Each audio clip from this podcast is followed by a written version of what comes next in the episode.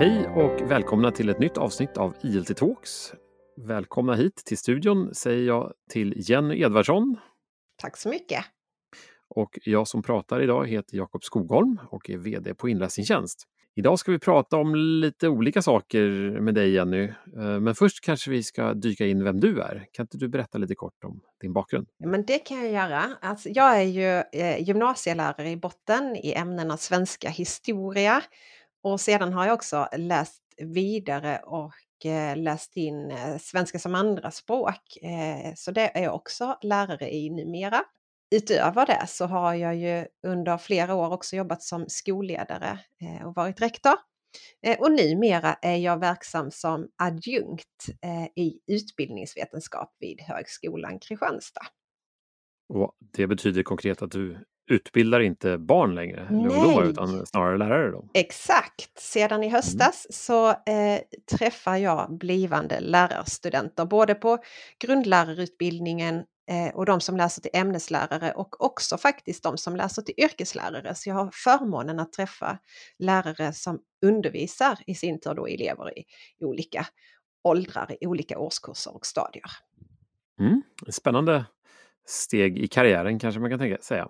Ja, det är ju jätteroligt. Jag har varit lite så här tvekande under ett par läsår och jobbat deltid som vanlig lärare och eh, deltid på högskolan. Men eh, jag kände i somras att nu var det dags att ta steget fullt ut till högskolan och det, det ångrar jag inte. Det är så spännande att få vara med och träffa blivande lärarstuderande och se deras utveckling fram till yrket att bli lärare. Ja, vad spännande. Och eh, du har också en vana, och många känner dig från att du har varit mycket ute och föreläst eh, i skolor runt om i Sverige. Mm.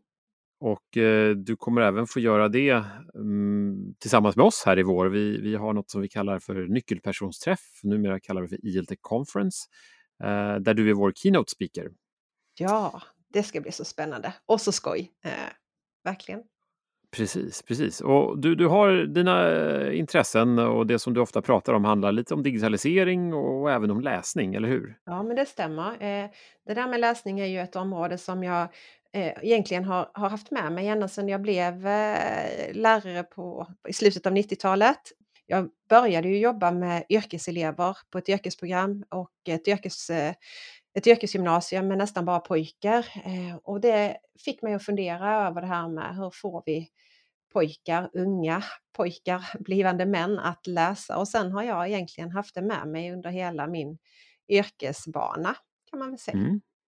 Vad intressant, vi, vi, kan ju börja i det området och, och, det intressanta är att många man pratar med som håller på med läsning och liksom pratar om läsning och så, de fokuserar på de yngre åldrarna, tänker jag, i, i skolan. Men du har alltså då angripit den här frågan utifrån barn i övre tonåren. Mm. Um, vad, vad kan du säga om det här med pojkars läsning? Vad är det som, eh, vad har du sett och vad finns det för problem och även kanske möjligheter? Ja, men det jag har kunnat se i, eh, sedan jag började jobba som, som lärare är väl att eh, pojkars läsning överlag har minskat och då tänker jag ju framförallt eh, alltså den, den fritidsläsningen eller vad vi ska kalla det, det de gör på mm. sin fritid utanför skoltid. Eh, Minskat och, mer än tjejernas läsning? Eller? Ja, det skulle jag, eh, åtminstone så är det väldigt få pojkar som läser om vi tänker skönlitterära texter på sin fritid. Och det skulle jag ändå säga att när jag började jobba som lärare så, så upplevde jag att det var fler som faktiskt eh, läste än vad det ja. är nu. Men, men däremot det, minskningen sker även hos tjejer misstänker jag. Ja, men så, men så är det. Men sker snabbare hos killar. Mm. Ja, eh, så är min upplevelse, att det är färre, färre pojkar eh, som läser. Och sen är det ju framförallt pojkar jag har intresserat mig för och, och, deras läsning och så, så att det är kanske mest där också jag har, har försökt följa och se, och, finns det någon trend ja. eller så. Mm. Eh, men jag upplever definitivt att det är färre pojkar som läser och eh, framförallt då eh, pojkarna som jag har mött som är på yrkesprogram, att där är väldigt få läsare. Om vi tänker mm. skönlitterära böcker på fritiden. Ja, och vad, vad ska man göra åt detta? Oh, ja, men jag, jag tänker att man kan göra rätt så mycket för eh, Alltså det handlar ju, det finns ju flera olika anledningar till att man inte läser och det är ju egentligen en, en samhällsfråga. Vi har väldigt få manliga läsande förebilder. Eh, det kanske är så att många av de eleverna jag har mött har växt upp i hem där läsningen kanske inte har varit så prioriterad. Alltså det finns ju ofta en sån här socioekonomisk mm. bakgrundsfaktor som också har betydelse. Eh, och vi kan koppla det till, till exempel till föräldrars utbildningsnivå och liknande. Och många av pojkarna då på yrkesprogram kommer kanske från de grupperna i samhället där föräldrarna har lite lägre utbildningsnivå och då vet vi också att det här med läsning inte är så prioriterat. Ehm, mm. Och jag tänker att då måste man ju lobba och jobba för att läsningen får plats och utrymme i skolan. Det hjälper ju inte att säga att de läser inte utan man får ju börja jobba med läsning i klassrummet med de här mm. eleverna helt enkelt.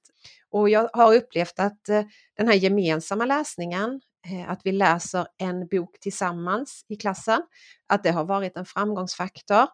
Eh, mm. Jag har också upplevt att jobba med högläsning där jag leder in eh, eleverna in i boken genom min röst, mitt kroppsspråk, min mimik. Det har också varit en framgångsfaktor.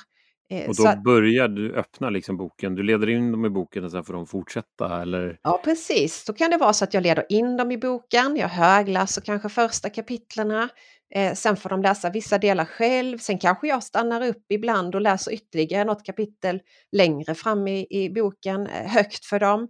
Och på det sättet så bygger vi upp då en undervisning där läsningen är som en röd tråd och där man till olika lektioner ska ha läst eh, ett visst antal sidor för att kunna vara med i samtal och diskussioner. Och jag brukar också försöka ge lite tid för den här läsningen under lektionstid, för jag vet att många av mina elever inte läser när de väl kommer hem. Oavsett hur mycket motivation du skapar hos dem. Precis, så jag mm. behöver hitta det utrymmet i, i klassrummet. Eh, mm. Och sen är det också så att det är viktigt, tänker jag, med den gruppen jag har mött, att man stöttar med, med den typen av stöd som de kan behöva. Så en del elever lyssnar på texterna samtidigt som de har texten eller boken framför sig så att de inte behöver fastna genom att försöka avkoda utan att de faktiskt kan lyssna och förstå innehållet och på det sättet då också kunna vara med i diskussioner och samtal och skrivuppgifter eller skapande uppgifter eller vad vi nu ska göra. Så mm. att man också mm. stöttar med, med den typen av stödfunktioner som, som helt enkelt kan behövas. Mm. Och när du pratar om din målgrupp här som du har jobbat mest med, då, då tänker man också osökt på att det finns säkert några där som inte har svenska som modersmål också. Ja, men så är det ju. Eh, och, och, det är ju en annan problematik eh, att ha ja. elever som, som kanske kommit sent, för det är ofta så när man är på gymnasiet och har elever som kanske går sån här integrerad, alltså de är inte fullt behöriga till gymnasiet men mm. går ändå med klassen eh, inom liksom sitt introduktionsprogram. Och då, då gäller det också att man tänker på det och att man bygger en undervisning och stöttar.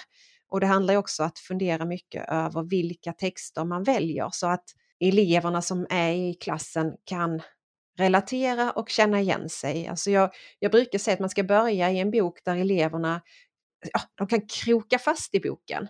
Alltså mm. de kan känna igen sig i huvudpersonen eller miljön eller händelserna eller ja, någonting så att de kan relatera. För kan de relatera till boken så är det också mycket lättare att få dem med sig sen i sin läsning och när man väl har fått med dem på läståget så kan man ju ja, egentligen läsa vad för något som helst. Men mm, mm. speciellt viktigt då också om man har elever som kommer från en, en annan kulturell bakgrund, eh, som kanske har andra frågor, andra eh, funderingar med sig. Och då är det också viktigt att tänka kring det och hitta texter där de också känner att de kan knyta an. Mm.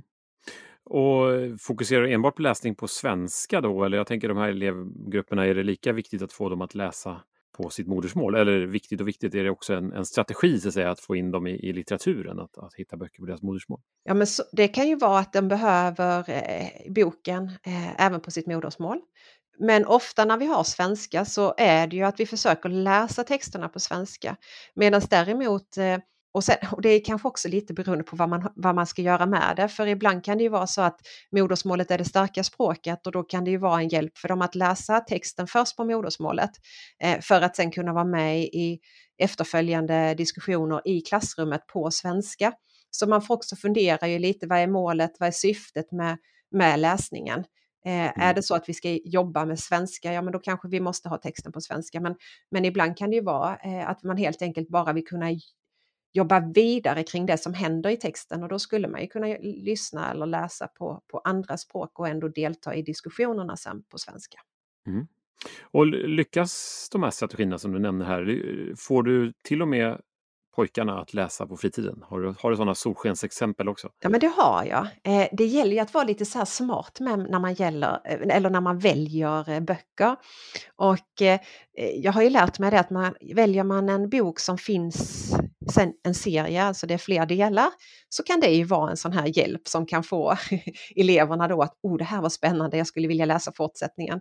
Och några sådana solskenshistorier har jag, att vi läste första delen och sen kom eh, eleven terminen efter att nu har jag läst del två och del tre och, mm. och mm. vad tyckte du om det? Och, ja, och då kunde vi prata om de här fortsatta delarna ju. Mm. Så det, det, finns ju sådana solskenshistorier och det är ju jätte, ja. jätteroligt eh, när man får höra och eleverna själva bekräftar liksom att ja, tack vare att vi läste första delen så åh, var jag tvungen att läsa vidare själv. Mm. Och eh, jag vet att du pratar ganska mycket om, om eh, digitala i skolan också. Ser du tydliga kopplingar mellan digital läsning specifikt och, och motivation till exempel? Eller finns det några andra kopplingar däremellan? Ja, men digital läsning är ju en annan sorts läsning kan man väl säga. Eh, om vi tänker en, en traditionell bok, en tryckt bok är ju väldigt så lätt att följa med i. Man vet var man börjar och man vet hur lång sidan är och man kan liksom överblicka det. Ehm, men den digitala läsningen är ju mycket mer Alltså där är fler modaliteter, där är text då som en modalitet, där är kanske bild, där kanske är symboler, där kanske är hyperlänkar, där kanske är film. Där är så många olika eh, modaliteter i en digital text och går man in på en sida så är det inte säkert att man ska börja läsa högst uppe i vänstra kanten och sen läsa liksom ja, första raden, mm. andra raden, för texterna är inte uppbyggda så, så det kräver ju en annan förmåga att lära sig hitta och navigera i digitala texter. Åtminstone de som är lite mer moda, mm, alltså innehåller fler modaliteter. Sen finns det ju digitala texter som egentligen är som en tryckt bok fast överförd i digital form och de är ju rätt så lika som att läsa en ja. bok.